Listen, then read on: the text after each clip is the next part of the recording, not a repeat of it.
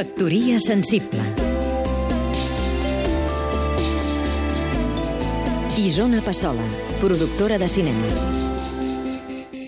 Em demanen que parli de Vinyoli perquè el llibre ben d'aram el dedicar als de la primavera del 75, com ell anomenava el grup de lletres que ens solíem trobar els matins de diumenge per parlar de literatura al desaparegut bar de la plaça de Sarrià de Barcelona.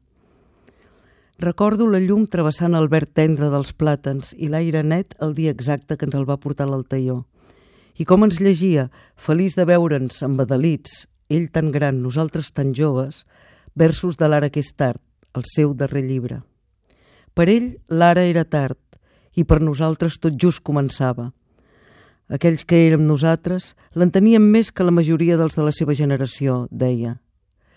Jo me'l mirava encuriosida fins que l'emoció dels mots va poder més que la curiositat del personatge, quan ens llegia els corps. Grallant a les fosques, els corps retornen cada vespre. Ves amb compte amb els becs privilegiats. Ens hem d'anar fornint de llums i de defenses. Desconfia, que ja has perdut altres vegades en el joc de pactari. Tot el mes accepta un peremptori compromís, però fuig-ne si pots, no et deixis devorar. Ara que nosaltres tenim l'edat que ell tenia llavors, de què ens volia prevenir, premonitori? En el centenari del seu naixement em toca parlar de Vinyoli, però és que a mi Vinyoli, d'ençà d'aquella primavera, no m'ha deixat mai. Perquè la seva poesia dramàtica i vital, els seus proverbis conclusius, han perdurat més enllà de tota moda i el situen com un dels més grans, si no el més gran del segle XX de la poesia catalana.